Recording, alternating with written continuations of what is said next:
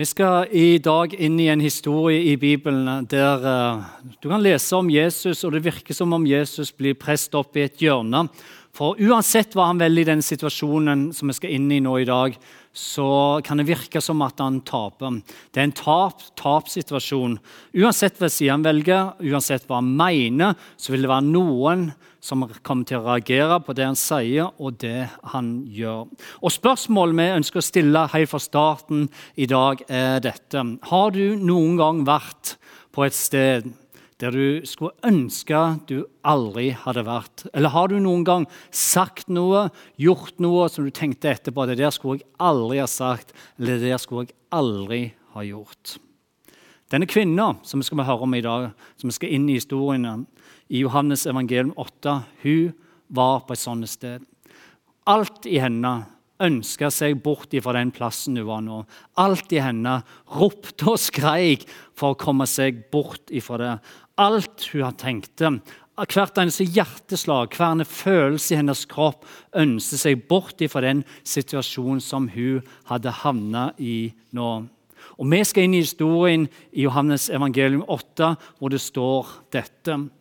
Jesus gikk så ut til Oljebergen. Tidlig neste morgen kom han til tempelet igjen.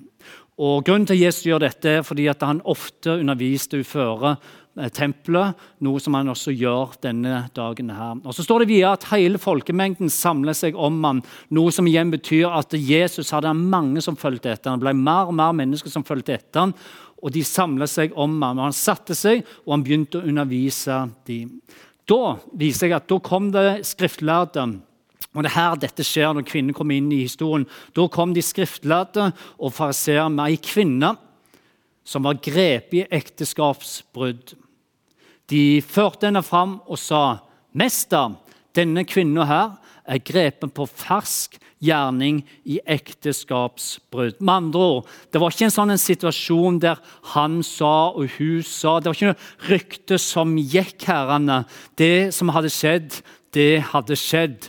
De hadde tatt henne på fersk gjerning. Så Det var ikke bare et rykte fra noen der ute. Hun ble tatt på fersk gjerning av fariseerne og de skriftlærde. Og det første de gjorde nå, var at de kom framfor Jesus, kastet ned foran Jesus. Hun var et verktøy, ei brikke, et spill som de hadde for å ta Jesus. Det står videre dette her, at eh, fariseeren sier, 'Mester, denne kvinna er grepen på fersk gjerning i ekteskapsbrudd. I loven har Moses påbudt oss å steine slike kvinner. Men hva sier du, Jesus? Og dette her, Det sa de for å sette ham på prøve, så de kunne få noe å anklage han for. Og Ved første øyekast kan det virke litt rart når en leser det at de skulle ta Jesus for dette. her. De prøvde å sette Jesus prøve, de prøvde å finne noe å anklage Jesus for. For Jesus han sitter i grunnen bare utenfor tempelet og underviser. Han har i grunnen ingenting med denne kvinnen å gjøre i det hele tatt, eller situasjonen hun havna i. Men allikevel er det Jesus de prøver å ta. Og Forklaring på det kommer her. Fordi sånn som det var, så var det jødiske folket som levde på den tida, de var under romerske styremakter. Så om Jesus hadde sagt dette La nå kvinna gå, la hun slippe, så ville han indirekte sagt dette, at de gamle testamentlige lovene ikke gjelder lenger. Nå må dere forholde dere til de romerske lovene. Og Hadde han gjort det, da ville han ha skjøvet ifra seg det jødiske folket, og han ville satt i brann og vrede imot denne kvinnen og imot han. Men hvis Jesus hadde sagt det motsatte, han hadde sagt ja, bare steiner, sånn som loven sier, da hadde Jesus sagt seg enig med fariseerens tolkning av loven og dermed undergravd en av de største grunnene til han kom på jorda og satt og underviste denne dagen, nettopp Guds nåde og Guds tilgivelse. At den kom for alle mennesker, også denne kvinna her. Med andre ord, situasjonen er en umulig situasjon. Jesus han er trengt opp i et hjørne. Uansett hva han sier, uansett hva han gjør, så er det en tap-tap-situasjon. Og fariseerne tenker endelig så har man der vi ønsker å ha han. Dette slipper han ikke unna. Men legg merke til hva Jesus gjør videre. Og Vi leser videre fra Johannes 6,6, hvor det står Det Jesus gjør da, at Jesus bøyer seg ned, og så begynner han å skrive i jorda med fingeren. Mens de fortsatte å spørre. De sto over, og de henger over han. Nå må du gi et svar. Kom med et svar. Så sitter Jesus og bøyer seg ned, og han sitter og skriver i marka. Men hvorfor gjør Jesus dette? Mens de står oppe med makta, med steinene i hånden, med loven i hånda, så vil han å bøye seg ned. Og Hva er det Jesus holder på med? Hvorfor gjør han dette? Jo, det han gjør, er at han bøyer seg ned på hennes nivå. Han bøyer seg ned der kvinna er. Hvordan går det med deg?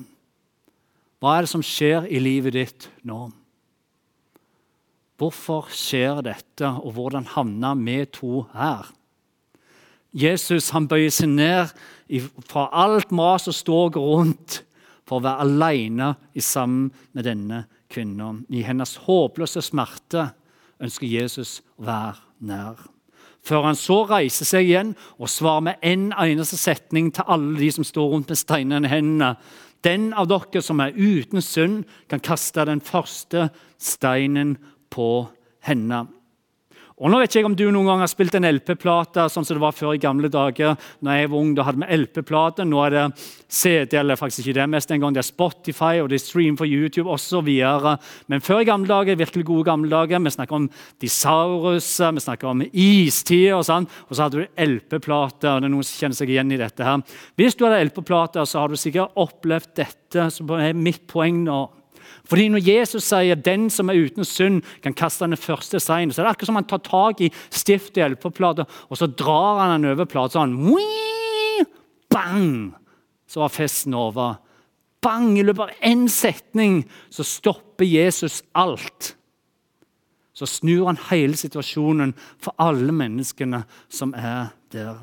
Og I løpet av denne setningen så stopper hele festen, så stopper hele musikken, så stopper alt det de kom for, opp pga. én setning. Før han så bøyde seg ned igjen og skriver på jorda. Og Så står det videre dette her, at når de hørte dette, så gikk de bort, én etter én, og så står det 'de eldste først'. Og Hvorfor står det spesifikt i Bibelen og i evangeliene at de eldste gikk først? Jo, det står det fordi når du har levd litt lenger, så har du også lært en del om livet. Når du har levd litt lenger, så har du lært noe om egen stolthet og mangel på ydmykhet. Jo lenger du lever, jo lenger du vandrer sammen med Gud i møte med andre mennesker, så skjer det noe med oss sjøl, der vi ser oss i speilbildet av hvem Jesus er. Derfor går de eldste først.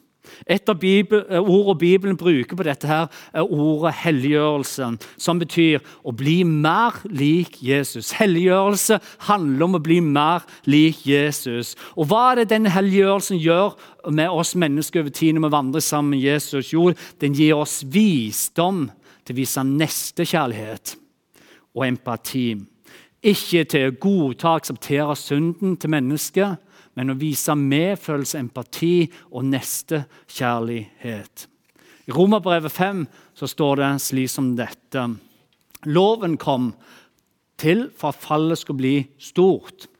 Men der synden ble stor, ble nåden enda større. For slik som synden hersker gjennom døden, skal nåden herske gjennom rettferdigheten og gi evig liv ved Jesus Kristus, vår Herre. Når Jesus valgte å bøye seg ned og være på samme nivå som denne kvinnen, og vel å være hvor hun er, så handler det om å vise empati. Det handler om å vise en empati som betyr at du prøver å sette deg inn i det andre menneskets situasjon. Hvordan har du det? Du bøyer deg inn til dette menneskets situasjon for å hjelpe dette mennesket ut. Spørsmålet er dette. Hvor omsorgsfull, eller hvilke medfølelser har vi med de som sliter, som har tråkket feil, som har syndet, som plutselig ble synlig for oss andre? Eller et annet spørsmål. Elsker du de som sliter med ting som du aldri har slitt med sjøl?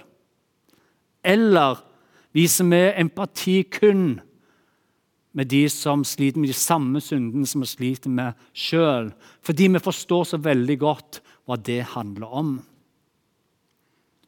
Det som er helt sikkert og veldig viktig for med oss i denne historien, her, at denne kvinna her forventa i grunnen å bli dømt denne dagen.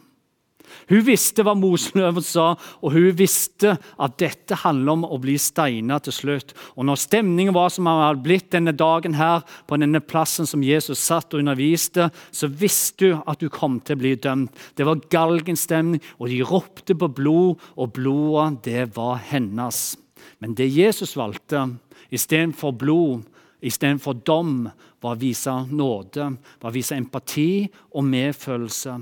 Han ga henne nåde i utstrakt hånd istedenfor dom.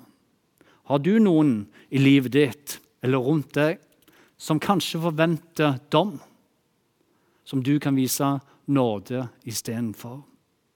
Kanskje en nabo noen som du kjenner, som går gjennom ei vanskelig tid nå. Kanskje det handler om en skilsmisse eller en krise, noe som er tungt for disse å bære på. Kanskje de til og med forventer at vi skal holde avstand eller gå omvei når vi ser dem. Men kanskje du skal være den som bryter det, som å gjøre det andre som Jesus gjorde, nemlig å bøye seg inn, møte dem med empati og medfølelse. Eller prøv det, og sett deg inn i situasjonen til denne kvinna her, som ble tatt på fersken. Tenk på skammen. Tenk på skylden hun følte i det øyeblikket. der. Lammelsen og frykten som har fart gjennom kroppen hennes denne dagen hun ble tatt. Sikkerheten om at nå kom det dom, nå var det slutt. Dette kom hun aldri til å slippe unna eller fri ifra. Det som teksten viser oss videre, dette her, at når mennene slipper steinene og går videre, så står det dette her videre. Til slutt var Jesus alene igjen med kvinna som nå sto foran ham. Hun hadde reist seg, og Jesus reiste seg også opp og spurte kvinna, 'Hvor er de?' 'Har ingen fordømt deg?' Hun svarte, 'Nei, Herre, ingen.' Da sa Jesus, 'Heller ikke jeg fordømmer deg.' Og så fortsetter han og sier, 'Gå bort og synd ikke mer'. Men hvorfor sier han det? Han kunne jo bare stoppet opp med og sagt 'heller ikke jeg fordømmer deg'. Og Kvinnen hadde sikkert blitt kjempeglad etterpå. Hun hadde sikkert følt det helt fantastisk å bære med seg selv. Og om hun kunne ha skrevet på Facebook, så hadde hun sikkert lagt ut det på statusen sin 'Heller ikke han fordømmer meg'. Jesus er bare kjærlighet, og han dømmer ingen. Men Jesus han stopper ikke der. Fordi det Jesus visste, var at hvis hun gikk bort og følte det bedre med seg sjøl, men samtidig levde det livet hun før levde, i synden, bare fortsette, så var det en vei som bare gikk nedover, og til slutt så bare endte det der nede. Det er et sår som aldri ble helbredet. Et sår som fikk et plaster, men det ble aldri godt. Et liv som ikke ender bra, men i nedoverbakke, i mørket. Hjemme hos oss så har vi en liten hund som heter Bonita. Og jeg vet at Hun ser ganske uskyldig og harmløs ut på bildet. Men uh, greia med Bonita er at du skal ikke lure av, av utseendet hennes. Hun elsker hvitost, og så elsker hun kjøttdeig og pålegg og koteletter og chips og i grunnen det meste. Men favorittmåltidet hennes er hvitost. Og jeg vet ikke hvorfor det er sånn, men det er bare det hun elsker. Hva tror du skjer når Bonita får en liten bit med ost av meg? Hva gjør hun da? Tror du hun går og legger seg og er fornøyd med det? Nei, nei, nei. Da vil Bonita ha en bit til. Så når jeg skjærer opp en liten bit og gir den en gang til, tror du du blir fornøyd da? Nei, nei, nei. Da logrer hun enda mer med halen. Hun sikler mer på sokkene mine. Hun vil bare ha mer og grafse meg på leggene. For hvitost det kan hun ikke få nok av. Hun blir med Despo Gonzales og vil ha mer. Og I grunnen så er det sånn med synden og våre liv også. Det ser kanskje ganske uskyldig og harmløst ut i begynnelsen, men jo mer du fôrer synden, jo mer vil han ha. Det er mest sånn som det er med hunden. Du blir aldri fornøyd. Synden blir aldri fornøyd, Vi vil bare ha mer og mer av det du kan gi den. Om du ikke velger å stoppe og slutte å fòre synden, så kommer han til å fortsette å mase på deg og ta over mer og mer av ditt liv. Sakte, men sikkert vil han skape fordømmelse. Han vil stjele fra deg din identitet, stjele fra deg din frimodighet, din glede og følelse av verdighet det livet som Gud ønsket at du skulle få lov til å leve i frihet. Romerbrevet 2,23 sier det sånn som dette her.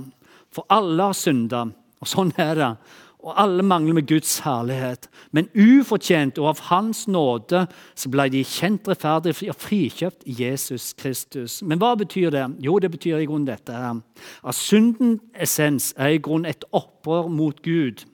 At vi ignorerer han og behandler han som han ikke eksisterer. Det er en slags sovende tilstand der vi lukker øynene for det som er sant, fordi det krever gjensvar for vårt liv. Vet du hvordan du skal få sluttstopp av hunden min så han ikke spiser opp hele osten din? Jo, du slutter å fôre han. Du lærer at dette her får du ikke mer av. Slutt å ham med ost og ikke gi ham en bit til. Og etter hvert så vil du slutte å mase. Og hvorfor er det slik? Jo, fordi hun lærer at her er det ikke mer å hente. Og slik er det i grunnen med synden også. Det er også derfor Jesus sier til denne kvinnen denne dagen gå bort og synd ikke mer. Stopp den vanen der. Ikke ødelegg livet ditt på dette, men få tak i det livet som Gud ønsker å gi deg. I Romerbrevet 8 så skriver apostelen Paulus det slik som dette her. Så er det da ingen fordømmelse for den som er i Kristus Jesus. Noe som igjen betyr at det fins overhodet ingen fordømmelse for de som tror på Jesus Kristus. Det er borte, det er tatt vekk. Det fins ingenting. Det alt som kommer av fordømmelse, er i grunnen bare løgn. Erkjennelse er noe helt annet. Det å erkjenne at en har synd som ennå ikke er oppgjort eller ferdig, det er bare bra. Fordi det erkjennelsen gjør, den skaper ikke fordømmelse, men erkjennelse fører til bekjennelse. Og ut ifra bekjennelsen som vi gir, så finner vi også tilgivelse. Og i det øyeblikket vi får tilgivelse, så fins det ingen fordømmelse. Det er ingenting. Ingenting annet enn Guds nåde. Null og niks. Det er ferdig, det er borte, det er vaska rent, det er viska bort, og det fins ingenting. Som Jesus valgte å bøye seg ned til denne kvinnen denne her dagen, så bøyer han seg inn til hver eneste av oss og sier heller ikke jeg fordømmer deg. Kanskje det er på tide at vi slutter å gjøre det sjøl også, da. Slutter å fordømme oss noe som ikke han fordømmer oss for. Nå vet jeg ikke hva du tenker om dette, her, men er det ikke sånn med alle ting at en verdi handler om hvor mye en er villig til å betale for det? Hvor mye en ting har som verdi, handler om hvor mye folk er villig til å gi for det. Er det ikke sånn det? Bare ta f.eks. Virgil van Dijk. Eh, Liverpool-spiller som er veldig god spiller av fotball. Når Liverpool ønsket å kjøpe han, så måtte de punge ut med 830 millioner kroner. Han skrev en femårskontrakt med Liverpool, der han i tillegg måtte, eh, de måtte ut med en ukelønn på ca. 2 millioner kroner. Altså Vi snakker hver eneste uke. Spørsmål er van Dijk virkelig verdt så mye penger? Det er jo utrolig mye penger. 830 pluss 2 millioner hver eneste uke. Ja, For Liverpool så var han verdt det. Eller dette neste bildet her, en Bugatti Lavaitor Noir. Den svarte sportsbilen ble for første gang vist på en stor utstilling i Genéve tidligere i fjor. Det er en enorm 16-sylinder motor, 1500 hestekrefter, og han går fra 0 til 100 på drøyt to sekunder. og Det er ganske, ganske fort. Og Så har han en toppfart for ca. 400 km, noe som gjorde at en kjøper valgte å betale 164 millioner kroner for denne bilen. her. Og det er ikke det at jeg ikke forstår at han er litt mer verdt enn min eh, bil hjemme, en Renault. Jeg forstår jo det at han er litt mer verdt enn den. Men helt ærlig 164 millioner kroner er han verdt det. Vel, Denne kjøperen mente han var verdt det, og betalte 164 millioner for han. Eller dette, et maleri av Leonardo da Vinci. Navnet på dette er Salvator Mundi.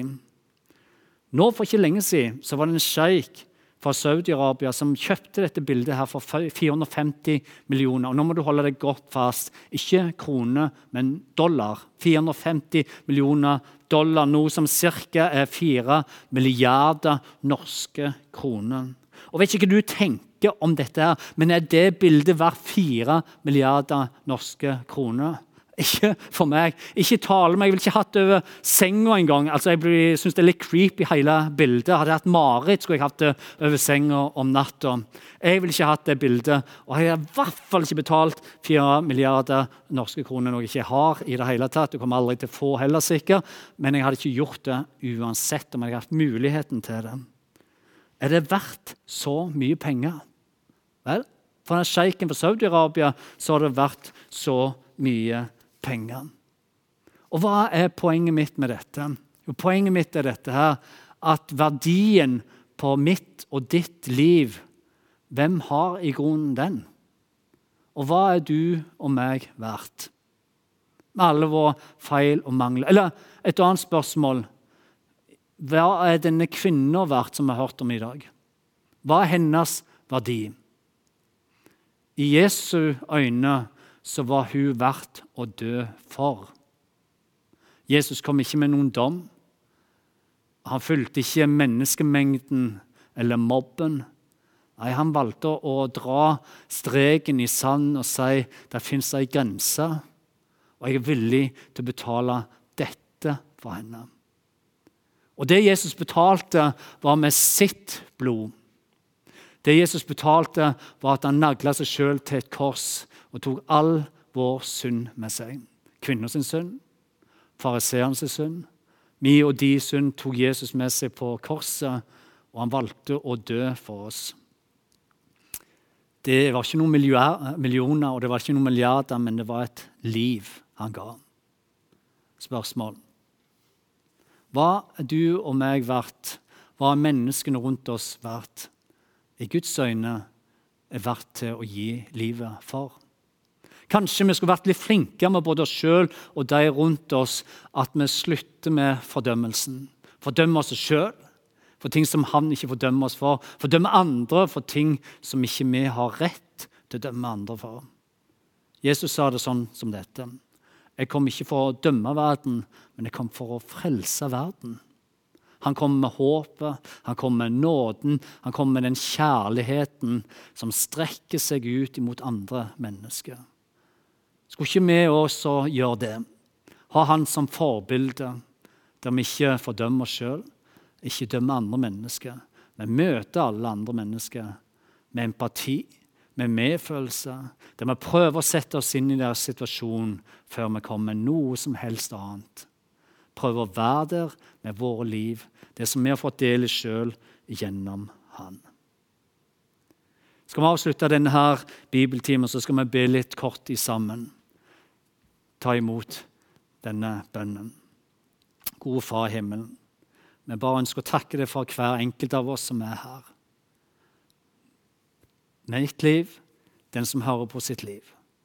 Takk, Herre, for du ser alt, du vet alt. Må du være nær hos den som sliter og bærer tungt nå. Takk for det står i ditt ord, Herre, at eh, den som bærer tungt, kan komme til deg, og du vil løfte og bære sammen. Og så ser du den Jesus som syns det kanskje er vanskelig med troen om det å forstå hvordan ting henger sammen. God far, vi ber om at du skal være nær. Kom inn og vær del av deres liv. La dem kjenne at de ikke går alene med at du er nær. Takk, Herre, for du gjennom denne historien veldig tydelig viser hvilken verdi du har satt på oss mennesker. Denne kvinna som ikke var verdt mye i menneskets øyne på den tida. Denne som var tatt på fersken det var ikke bare et rykte som gikk, men det var ei som var helt nede i bånn. Herre. Og så viser du hvordan du velger å bøye deg ned. Et profetisk bilde for det du gjorde for oss alle når du bøyde deg ned og valgte å dø på korset for oss. Derfor du har tatt alle våre feil og mangler, og vi kan få stå hei fri som denne kvinnen, så opplever vi alle at du sier heller ikke jeg fordømmer deg. Takk for din godhet. Takk for det er vår sikre, sikre bevis. Det er det som er sant over vårt liv, at du elsker den enkelte av oss. Må du hjelpe oss slik at vi elsker hverandre slik. Amen.